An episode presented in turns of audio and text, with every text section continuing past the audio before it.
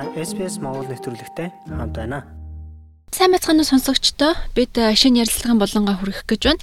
Бид амлсан ёсоор энэ удаад гэр бүлийн хүчирхийллийн талаар сэдвээ үргэлжлүүлэн Австралид албан ёсны эрхтэй орчуулагч Натраач за мөн цагаачлалын лицензтэй зөвлөхөр ажилладаг Заяата ярилцах гэж байна. За түүний хувьд сүүлийн э, бараг 20-од жилийн туршид гэр бүлийн хүчирхийллийн тохиолдолд мэрэгжлийн дагуу ажиллаж байсан туршлагатай.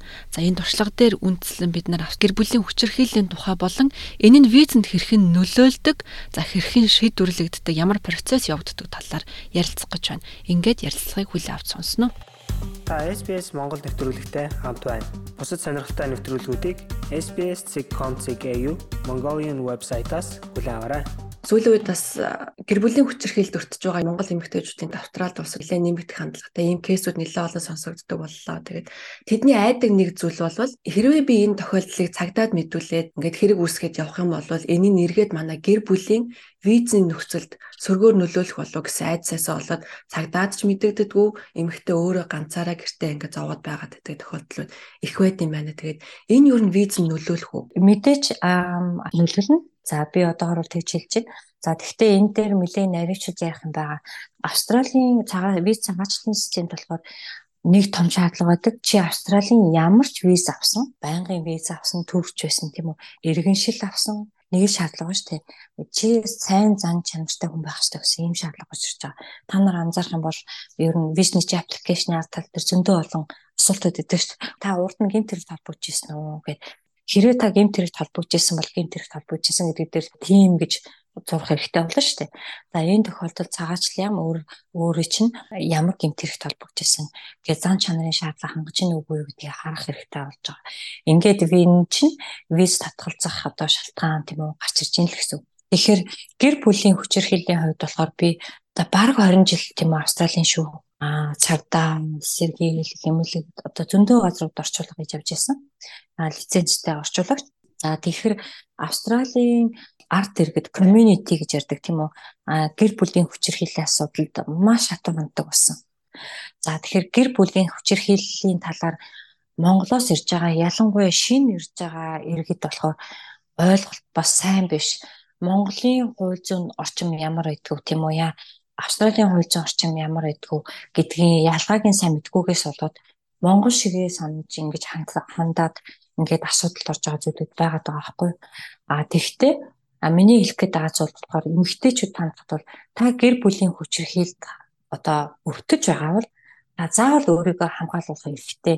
Энэ нэрхээ хэрэгжүүл гэж би бол зөвлөхөр байна.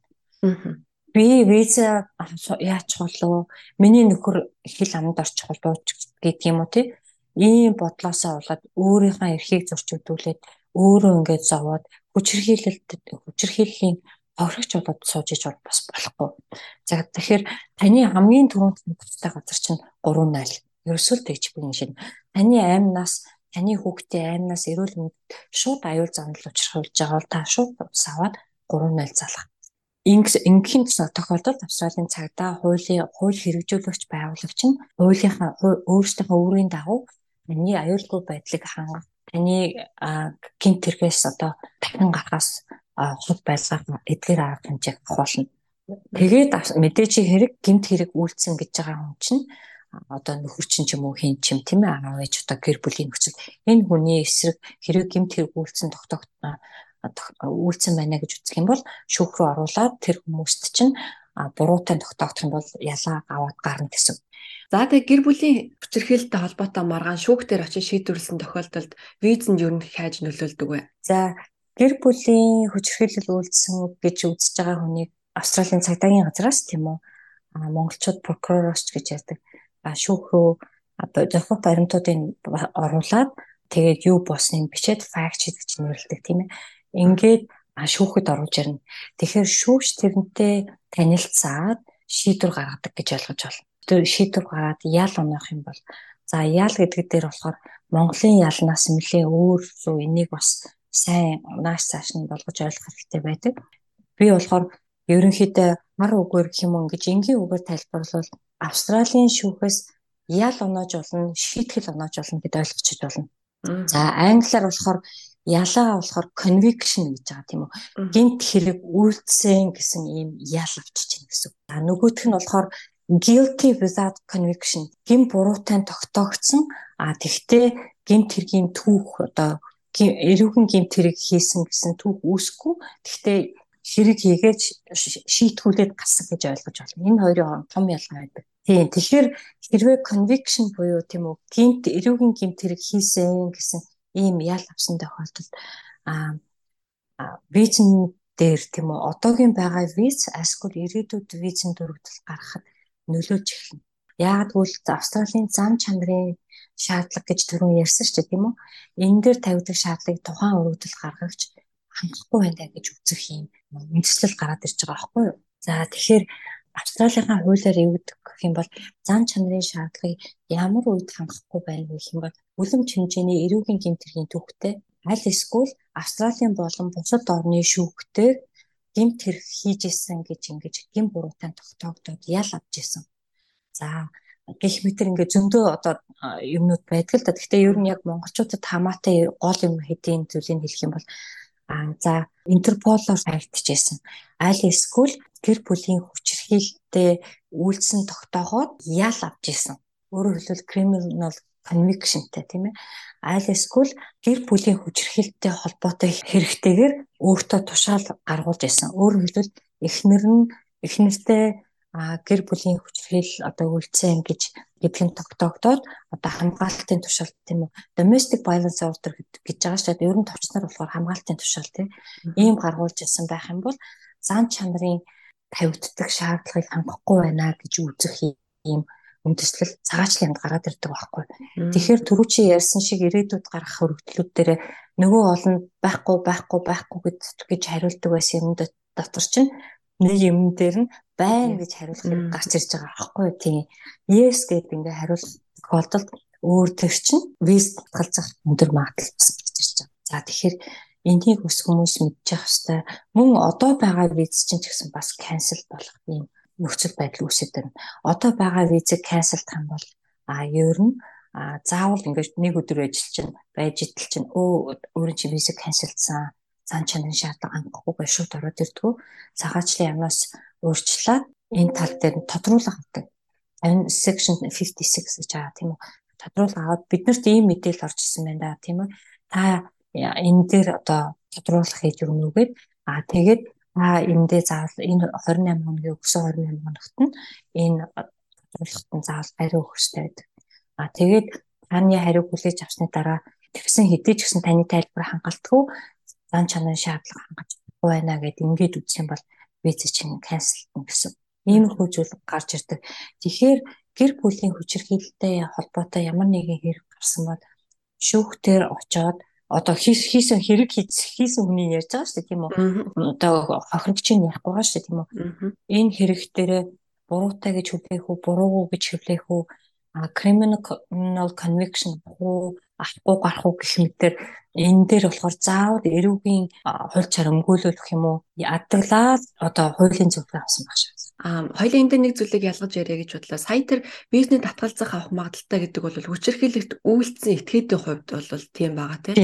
Харин хүчирхийлэлт өртсөн эмэгтэй хувьд тийм ээ нэгэн тэр гэр бүл ингээд одоо дараагийн визээ тусдаа мэдүүлэх юм уу тийм асуудал гарахад хүчирхийлэлт өртсөн тэр эмэгтэй хувьд бол татгалзах шалтгаан болохгүй болов уу гэж би зүгээр хувьдаа харж байна. Тий. Тэгэлгүй яхав а тэгтээ бас нэг бодох юм бол за жишээлбэл оюутан гэр бүл байлаа гэж бодъё тийм үү. А тэгээд одоо эхнэр нь одоо сурдаг үндсэн мэстэй хүн байлаа гэж бодъё. Гэтэл нөхөр нь одоо хүчрхийл хийчлээ тийм үү. За гин буруутай болчлоо. Нөхрийнх нь визэг канцлыг гарч штэ болж боллоо гэж бодоход эхнэрийнх нь виз өөрөө канцлагдана. Яг бол тэр гурван чинь нэг л визтэй. Одоо эхнэр хүүхэд эхнэр нөхөр хүүхэд гурав. Тэгэхээр тэр эмэгтэй виз ч гэсэн бас канцелагдана гэсэн үг. А хэдий тийм ч гэсэн одоо тэр хүн чинь бол хохирогч ч гэсэн бас яалтчгүй виз нь канцелдаж ирнэ. А ийм тохиолдолд явдаг зам бол байгаа. Тэгээ тэр эмэгтэй өөрөө бие дагаад ямар нэгэн английн визэнд өрөөдөл гаргана. Энэ үед болохоор тэр эмэгтэйд тийм тэрийн түүх байхгүй шүү дээ тийм ээ. Одоо хохирогч юм чинь тийм ээ. А виз нь бол боловсруулагдаараа боловсруулагдаад ингээд явна гэсэн үг. А энэ дээр бас нэг зүйлийг асуумаа таны өмнө нь одоо бас ажиллаж ирсэн туршлагаас харахад хэрвээ гэр бүлийн хүчирхийл үйлдсэн гэдэг нь тогтоогдвол хуулийн ямар хариуцлагууд байдаг вэ? Ер нь хэдэн жилээр хордгийн ямар шийтгэлүүд оногддог вэ? Аа Австралид бол ер нь зөвхөн энгийн үгээр хэлсээр бол багтаа бол шорон тусалгүй. За шорон цуух гэмт хэрэг болоод ихэвчлэн гэмт хэргийн том түүхтэй гэмт хэргийг давтан үлдчихсэн тийм үү. Гэмт хэргийн шин чанар нь ноцтой хүндийн гэрхэн гэмт хэрэгүүд одоо шорон цуух одоо full sentence тийм үү criminal нөгөө ерөөсөө sentencing буюу яг биеэр шоронд ялаа идэх юм үе гардаг байхгүй. Австралийн ялын ял болохоор маш олон янзаар явдаг. Ихэнх тохиолдолд хүнийг гэмт хэргийн түүхгүй анх удаа хийжсэн ч гэдэг юм уу тийм. Иймэрхүү хэрэгүүдээр заавал шоронд биеэр ял идэлгүйгээр өөр маягаар одоо ял идэлгдэг. За энэ дээр болохоор good behavior bond гэж нэрлэдэг байсан. Одоо community corrections order гэж нэрлэдэг болсон. Дахиж хүн тийм үү чи дахиж гэмт хэрэг үлдэх ёсгүй гэсэн юм тушаа тодорхой хугацаагаар жил дээр юм уу 2 жилээр тийм ээ.